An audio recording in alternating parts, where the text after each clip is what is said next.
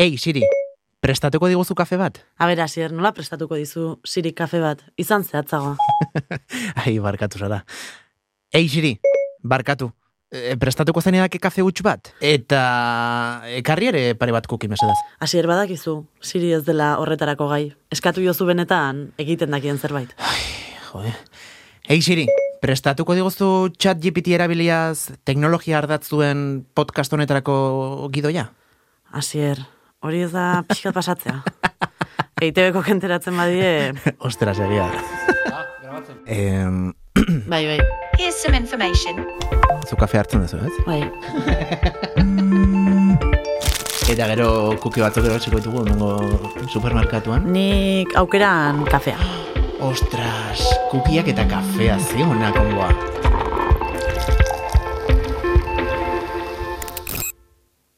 Orain okurritu zait, e, eixiri beharrean, eixari,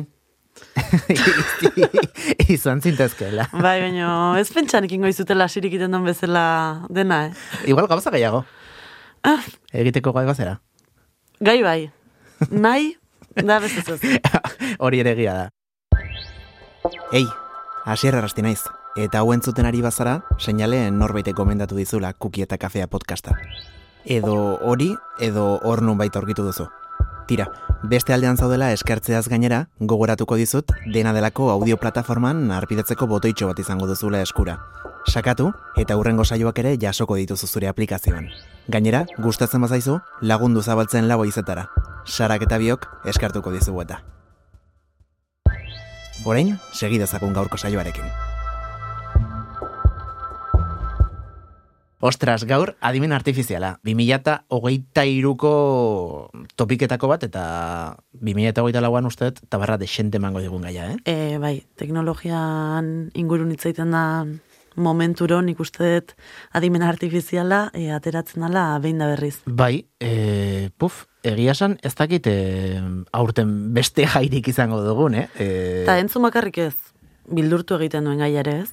Bai, bai, neri pertsonalki ez nau gehiegi ere beldurtzen, eh? Mm, konfiantza dudalako, bueno, ba, beste aurrerapen teknologiko askok bezala, mm, honek ere lagunduko gaituela nolabait, baina ez ordezkatu. Nik Bai. hort- hortan sinesten dut, ez dakit. bai, izan daike. Gero zer gertatuko da? Baina aldi beren oso potentea da, orduan. Bai, bai, galdetuko dizut. Ea zuk nola sentitzen duzun kontu guzti hau, baina horren aurretik emango ditugu gaiarekiko datu batzuk? Munduko ekonomia foroaren arabera, datozen bost urtetan larogeita iru milioi lanpostu desagertuko dira mundu osoan adimen artifizialaren ondorioz. Hala ere, kalkuloen arabera beste irurogeita bederatzi milioi sortuko dira, horrek esan nahi du amalau milioi lanpostu desagertuko direla munduan barrena datozen bost urtetan. Aurreikuspenen arabera, adimen artifizialaren mundu mailako merkatuak bat koma hogeita mabost bilioi dolarreko balioa izango du 2000 eta hogeita margarren urtean. 2008 marrerako ere bai, adimen artifizialaren teknologiaren azkundeak amabos,zazpi zazpi bilioi dolarreko irabaziak sortuko omen ditu mundu amarrena. Kalkuluen arabera, uste da chat GPTren eguneroko kostua zazpireun mila dolarrekoa dela. Open AI enpresaren dali irudi garatzailearekin egunero egunero lau milioi irudi sortzen dira. IBM erraldoia da adimen artifizialaren sektoreko egungo liderra. Bere IBM Watson proiektuarekin. Mundu mailan Apple da dakigunez behintzat adimen artifizialean gehien inbertitzen ari omen den enpresa. Batez ere bere laguntzaile virtuala hobetzeko helburuarekin, Siri alegia. Forbesek argitaratutako ikerketa baten arabera, hauek dira mundu mailako enpresek adimen artifizialarekin izan nahi duten erlazioa. Amarretik zazpik bere alako mezularitzarako chatbotak erabili nahi dituz. Mezu elektronikoak idazteko asmoa, enpresen euneko irurogeita batarena da.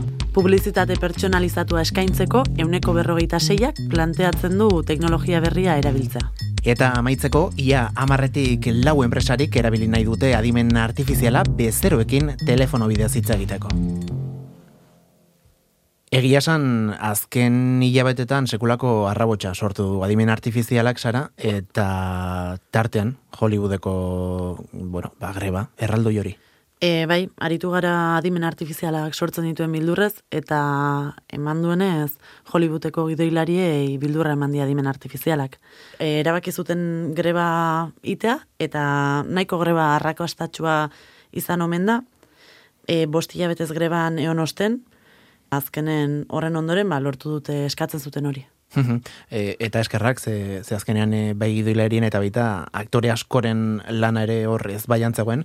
E, irakorri nuen, aktore batek baino gehiagok bere ahotsa eta bere irudia e, eskaneatu zutela e, iru dimentsiotan, e, irureun da irurogi gradutan, eta orain adibidez, e, eskestakit izena, baina e, ez dutela ja bere beharrik e, etorkizuneko filmetan erabili dezakete bere Bai. irudia, berak, bueno, Bai, ba, hori da, e, pertsona bat klonatzea, baino virtualki ez. hori da, hori da, era bat, Osa, erabili gabe gaina. Mhm. Osa, ez, ez dute behar. Osa, zure irudiarekin ja... hori da. Eta gainera, behin eskubide hoiengatik eh, ordainduta, ba, bizitza osoan zehar ja, naiz eta pertsona Bai. hori hilda egon, eh, Hori egiten da pelikula batzutan. hori, e, e, baino Ikusi efek, izan dut, efektu, efektu bezala. Hori da, efektu claro. bezala, baino oain adimen artifizialan bitartez ere hori egiteko gai izango diaz. Bai, adibidez, eh, Lola Floresen iragarkia. Eh, ez dakit E, ikusita bai, daukazun. bai, ikusita, eta gaina egia esan, asko gustatzen zitzaiten iragarkia da, eh? Bai, e, eta- originala izan zen, baina mm, beldurgarri ere, bai, nola baita. E, bai, baina igual momentu hortan, hori da duela urte pare bat igual aterako zen, ez? Bai, bai. Eh, Ez dakit ziur.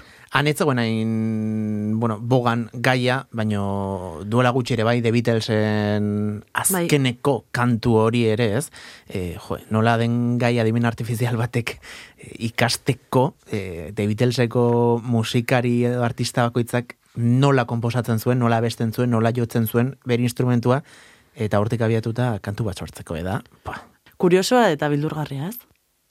Nik sentsazio daukat, Sara, e, historia errepikatu egiten dela, ziklikoa dela. Ze bere garaian, irratia sortu zenean, esaten zen irratiak e, egunkariarekin amaituko zuela, ondoren telebistak e, irratia suntsituko zuela, gero podcast gintza sortu zen eta, wow, irratia gainberan jungo da, eta, Eta- Ez, ez da ezer pasa Ja. beldurra da. E, gauza berriak dira, eta adibidez, behin entzun nion, e, gainera ilustratzaile Euskaldun bazen, bera, eta esaten zuen, joi, klaro, garaibateko ilustratzaileek e, ikusiko balut, ez nolako tresnak dauzkagun, e, Photoshopa, Illustratorra, eta horrelakoak, ingo esango lukete, klaro, eske, horrela nik errexo egin nuke hori. Bai, bueno, baino errex, komila arten, ez? Claro, azkenen hor egia da tresna bat besterik ez dela. Bihotza, adimena eta sormena norbera jarri behar du. Eske nik benetan eta pentsa, espero dut ez dut eta zalantzan jartzen dut etengabe, baina eske adimen artifiziala eukiko do baita limite bat, ez? Ez dut uste limiterik izango duenik, baizik eta guk jarri beharko diegula, agian, eh? Open the pod bay doors, Hal. I'm sorry, Dave. I'm afraid I can't do that. What's the problem? I think you know what the problem is just as well as I do. What are you talking about, Hal? This mission is too important for me to allow you to jeopardize it.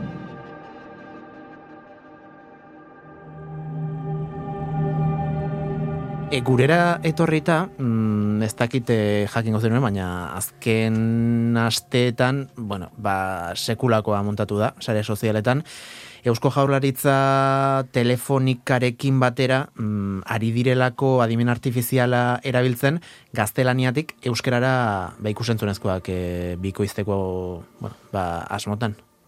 Hasiera batean momentuz proba proiektua da, jaurlaritza eta informatika elkartu dira e, etik media zaragozako enpresa batekin, enpresa hau dedikatzen da beste hizkuntzetara adimen artifiziala erabiliaz e, filmak bikoizten e, eta mm, egia esan, mm, bueno, ni erotuta nago, mm, batez ere ikusita azken urtetan zer nolako lan baldintzak izan dituzten euskal bikoizlariek Eta, gaina hau gehitzea. Claro, eta guzti hau gehitzea gainera, e, bueno, ez gara putzu beltzetan sartuko, e, baina egia esan adimen artifiziala ondo e, norbaiten eskubideak urratzen diren arte. Ez? Hortxutziko E, dugu. bai, guztiz ados.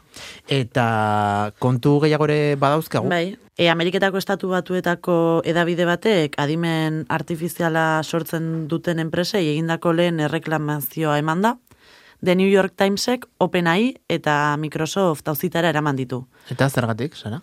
Ba, egile eskubideak urratzagatik berriz ere. Claro, azkenean ez ezagunaztu adimen artifizialak ikasten duela eginda dauden e, sorkuntzetatik. Hau da, guk elikatu beharra daukagu adimen artifizial hori, Bai. era batera edo bestera, eta kasu honetan badirudi The New York Timesen hemeroteka erabiltzen omen Bai. duela chat GPT-k, ez? Eta egunkarian arabera, adimen artifizialeko produktuak sortzeko erabili dituzte The New York Timeseko artikuluk, kazetarin lan hoiek, eta gaina okerrena ez da hori bakarrik erabili dutela e, baimenik gabe.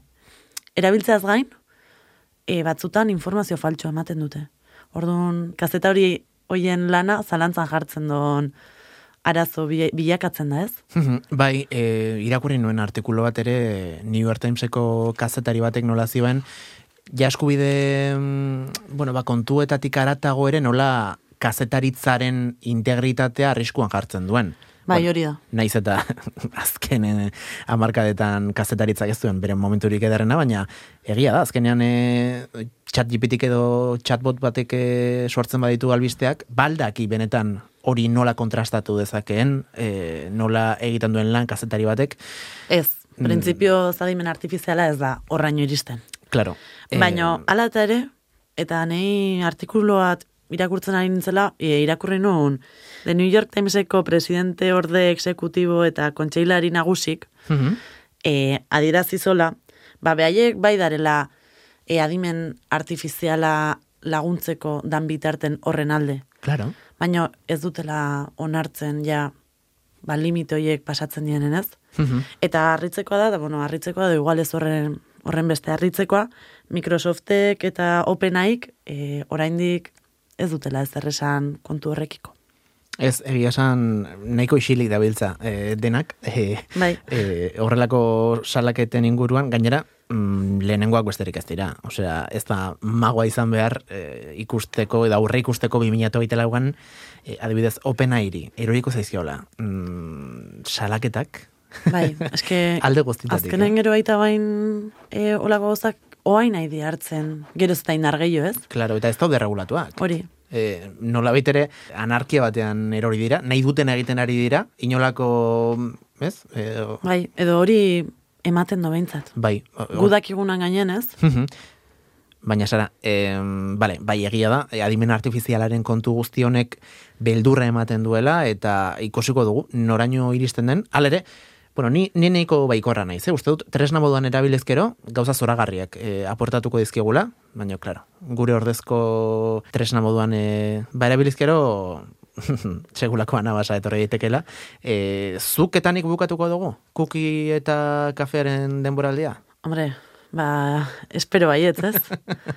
bestela, bestela igual larritzeko moduko asuntoa izango zan, ez? Eske beste gai batzuekin egia da, esaten dugula, bueno, eske asko garatuko da, asko aurreratuko da dimen artifiziala, asko betuko dute e, enpresek euren teknologiak, baina kasu honetan, guk egiten dugune egin dezake dagoeneko orain gaur momentu honetan adimen artifizialak e, lokutatzen badaki adimen Bai. artifizialak. Musika sortzen, eskubideri gabeko musika sortzen ere, badaki. Orduan, gure teknikari den alai ormazabal, ez genuke beharrera izango. E, ondoren, edizioa, errex, editatu dezake audio bat. Bideoak editatzen badaitu, imaginatu, audio bat e, zein errexa izango litzateken, eta azkenik, ba, lehen aipatu dugun dali, horrek, ba, besteak beste, e, gure podcasteko portada egin dezake. Baina, zertzuk, benetan entzungo zenula podcast bat adimen artifizialak sortua. Atentzio, gauza da atentzioa ditzea, baina beste gauza da gustora entzungo zenun. Egia esan niri podcast gintzatik gustatzen zaidana, eta irrate gintzatik da, agotxu baten atzean bihotz bat dagoela. Eta hori da justu, hemen falta dena. Eta adimen artifizialakin hori ez dago. Eta ez dut uste, inoiz egongo denik. Kuki eta kafea, Olumediak EITB podcastentzat ekoizten duen lana da. Gidoia, Sara Lanz eta Asier Arrastik ni neuk egin dugu.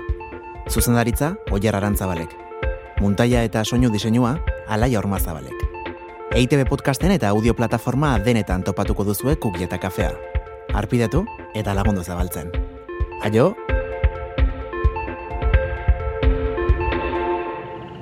Ei, txt, entzun hori. Ulu Media.